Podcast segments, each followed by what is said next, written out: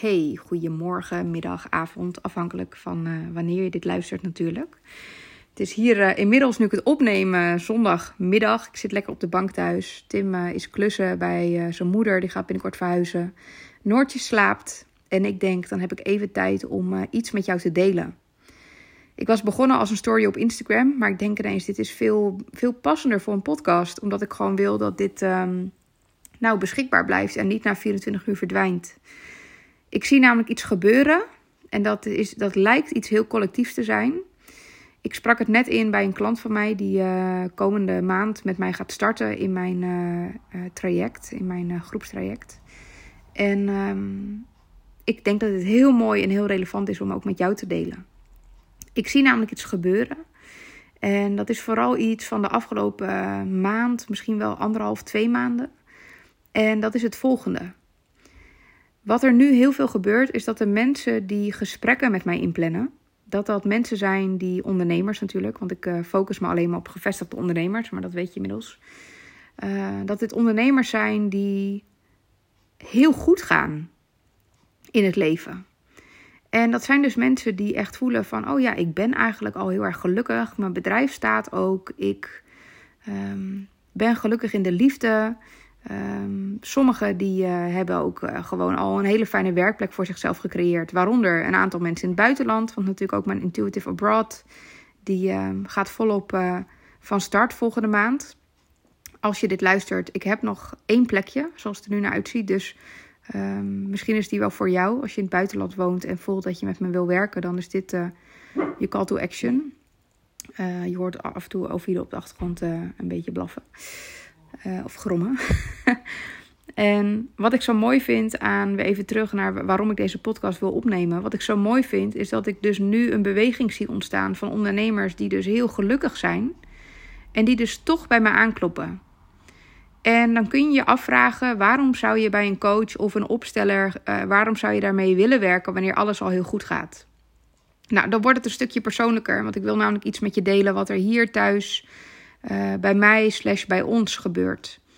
Als je me wat langer volgt en je volgt me wat intensiever, dan heb je meegekregen dat Tim en ik nu sinds een aantal maanden, misschien al wel een half jaar, actief bezig zijn om uh, dingen op te zoeken waarin wij gestretched worden um, en uitgedaagd worden om te kijken welke patronen er omhoog komen bij ons. En nu kan dat soms ook in het dagelijks leven gebeuren, wanneer je bijvoorbeeld onder druk staat met je werk, of wanneer je uh, slaaptekort hebt, of wanneer je onder hoge stress uh, zit. Dan komen nou eenmaal dingen naar boven die er eigenlijk altijd al zijn, maar die komen ineens aan de oppervlakte doordat er eigenlijk uh, doordat de druk opgevoerd wordt. En wat wij merken in ons leven is omdat we zo gelukkig zijn samen en eigenlijk heel veel verbinding ervaren in ons dagelijks leven, blijven die patronen die eigenlijk pas omhoog komen wanneer er druk komt, die blijven uit. En wat wij dus heel bewust hebben gedaan, is uh, toen wij in therapie gingen, omdat Noortje bij ons kwam en we voelden gewoon, er gaat nu zoveel veranderen. Het lijkt ons gewoon heel erg fijn als er iemand met ons meekijkt die ons even spiegelt.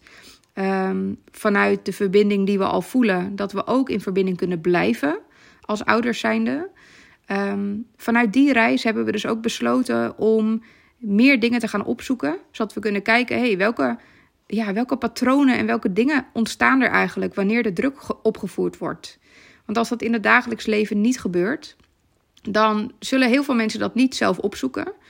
Maar voor ons is dit juist een uitnodiging, omdat we ons heel veilig voelen bij elkaar. Om dan dus heel actief dingen te gaan opzoeken waarvan we denken: ah, oeh, dan gaat het misschien ineens schuren. Zodat we dat weer kunnen integreren in onze communicatie. En in dus de integratie van de relatie die we samen hebben om nog meer te groeien en nog meer te verbinden op diepere lagen.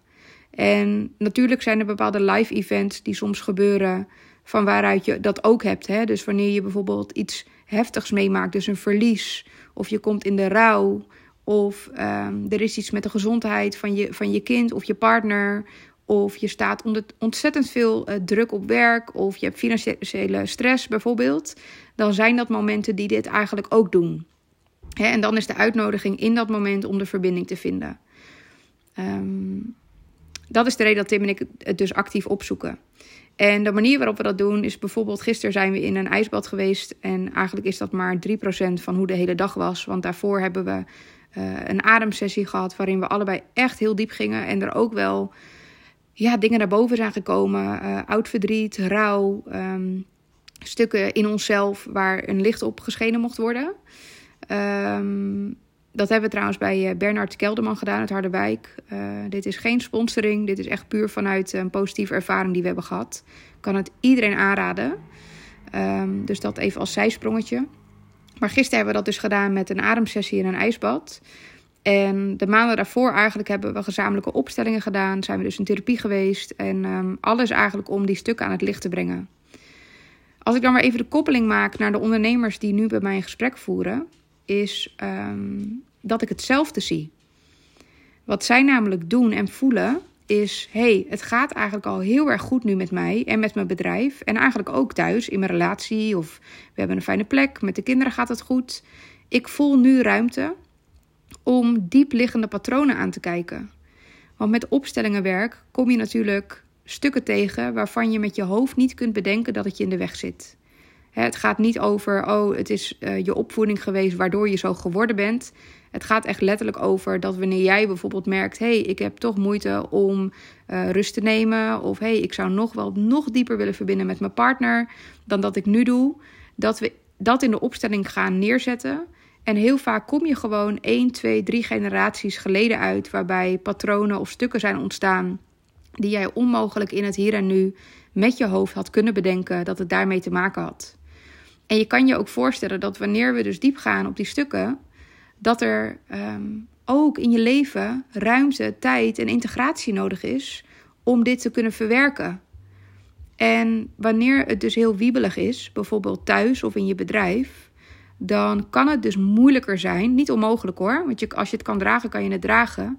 Maar dan kan het wel moeilijker zijn om bewust de tijd te nemen voor dat wat er in de opstelling is langsgekomen. En de beweging die ik dus nu zie, die veel van mijn klanten, of in ieder geval de intakes die ik heb maken, is dat zij eigenlijk een heel krachtig fundament zelf hebben neergezet. Door hun ervaring, levenservaring, uh, de dingen waar ze doorheen zijn gegaan met hun liefde, um, hun bedrijf en al die ervaring die ze daarin hebben meegenomen. Sommigen hebben kinderen. Um, dat ze zelf eigenlijk al een heel stevig fundament hebben neergezet.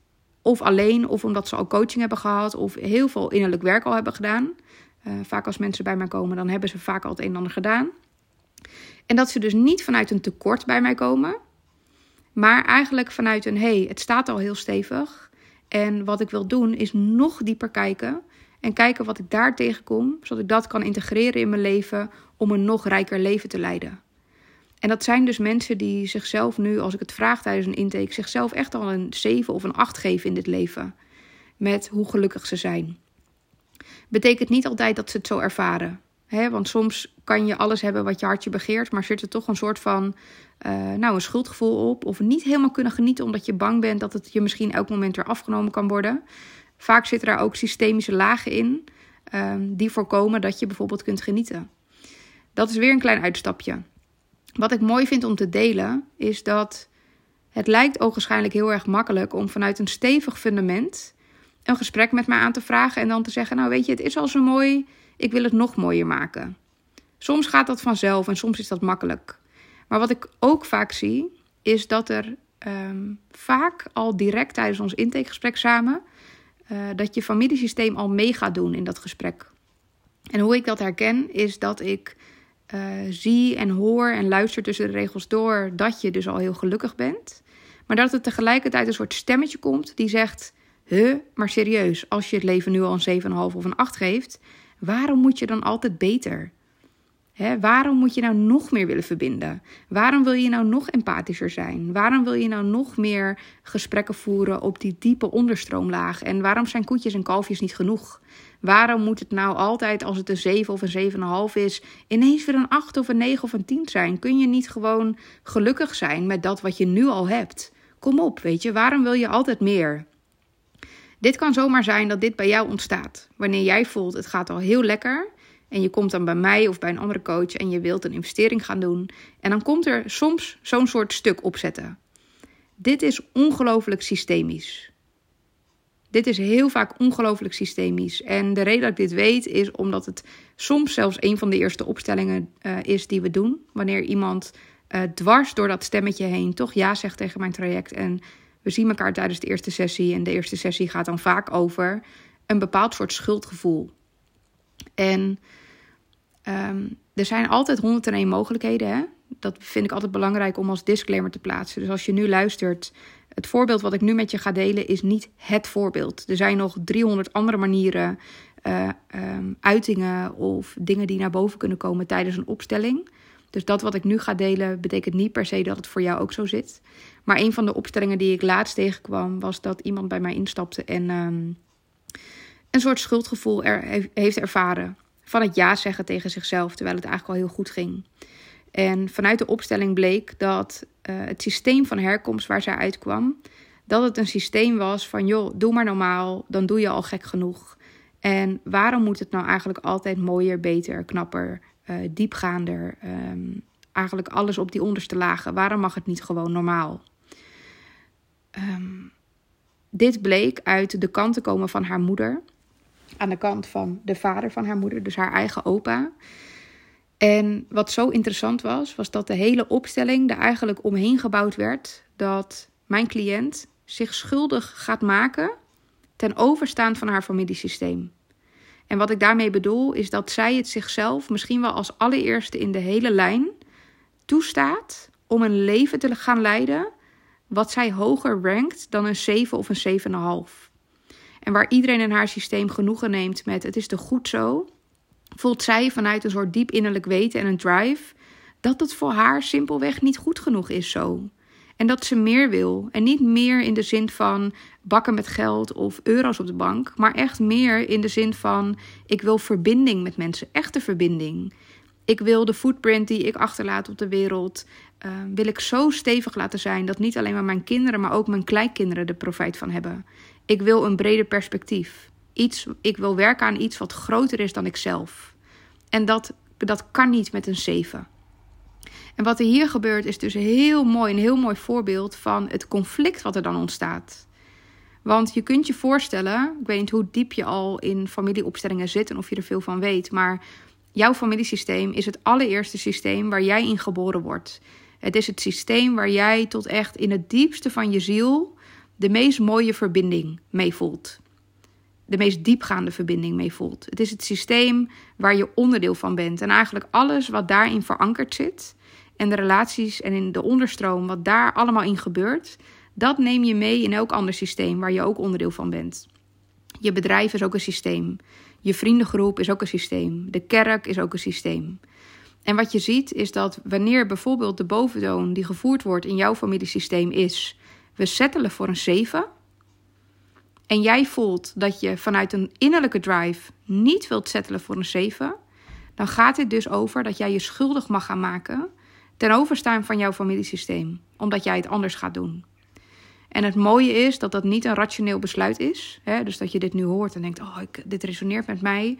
Dit gaat niet over rationeel besluiten dat je dat gaat doen. Het gaat erover dat je het in de onderstroom kunt aankijken en in een opstelling de heling plaatsvindt, waardoor jij je innerlijk vrij voelt om die weg te bewandelen. En vervolgens heb je natuurlijk in het hier en nu de integratie te doen. Dus de keuzes te maken die daarbij horen. Die echt gaan over die acht of negen omarmen. Maar het begint allereerst met onderzoeken waar die schuld vandaan komt. Um, vanuit het systeem toch kunnen zien dat jij je eigen beweging mag maken. Dus soms is daar nog heling nodig. In het voorbeeld van mijn cliënt um, was er echt nog wat werk nodig in de lijnen. Hè? Dus haar opa en haar moeder en dat stuk. Uh, daar ging echt generaties terug. Uh, zat die pijn al van je mag, je mag niet meer willen dan een zeven, want je moet gewoon gelukkig zijn met wat je hebt. Um, vanwege allerlei redenen, ik kan ze allemaal hier opnoemen, maar heel vaak is dat uh, bijvoorbeeld iets met oorlog. Hè? Dus we hadden niet veel en we moeten hier gewoon gelukkig mee zijn. Um, het kan ook met andere dingen te maken hebben. En dat gaat dus over je schuldig maken. En dit is een hele, hele, hele, hele mooie ontwikkeling, vind ik. Wanneer je namelijk zelf in het hier en nu stevig staat en je voelt dat dat wat je kunt tegenkomen in een opstelling, dat dat dus eigenlijk niet uitmaakt omdat je het kunt dragen, uh, dan kun je je voorstellen dat het leven wat jij misschien nu wel een acht geeft, dat je wanneer je ehm, echt innerlijk werk hebt gedaan, ehm, misschien met mij, dan gaan we een jaar lang werken of een half jaar als je in mijn groepstraject stapt. Dan kun je dus na een half jaar al voelen, ehm, en soms al eerder, maar vaak is er echt wel een half jaar nodig om het een en ander in beweging te zetten. Uh, dan kun je dus voelen dat eigenlijk het moment, dus we leven nu januari 2023, dat jij in januari 2023 zei: Oh, ik geef het eigenlijk allemaal een 8. Mijn bedrijf gaat goed, mijn relatie gaat goed. Ik heb veel tijd met mijn kinderen, ik voel me heel gelukkig. En dat je na een half jaar erachter komt dat de 8 die je toen gaf, dat het eigenlijk maar een 6 was. Omdat je nu echt voelt wat een 8 is. Dus soms verandert ook, um, nou, verandert de manier waarop je cijfers toekent aan je situatie. Ook vanuit dat je het nu nog niet weet hoe het ook kan zijn.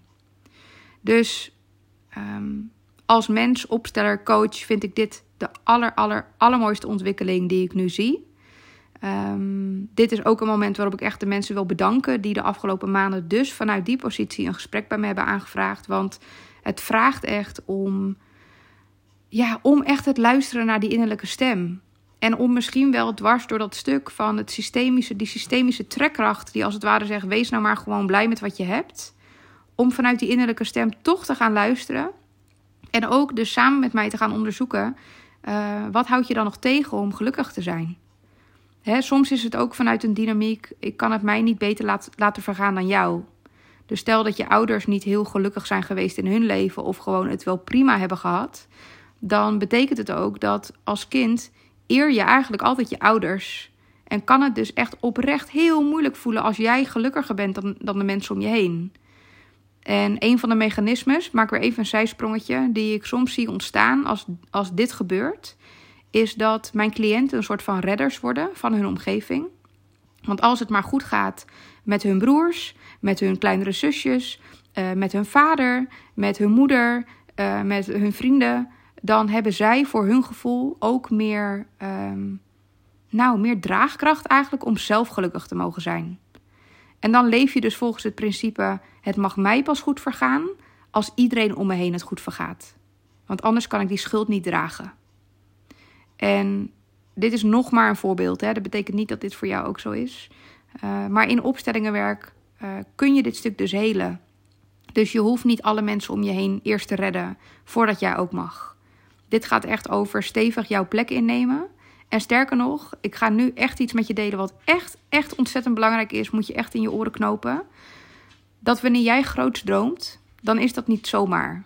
Jij droomt groots omdat je het in je hebt om het te realiseren.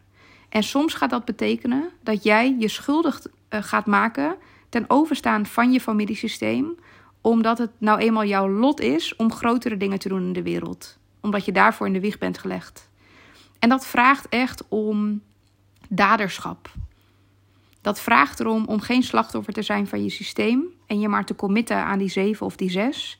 Dit vraagt om daderschap en om je dus schuldig te maken en dat jij dus gelukkiger mag zijn, grootser mag dromen, meer impact mag maken op de wereld dan dat iemand in jouw systeem ooit gedaan heeft.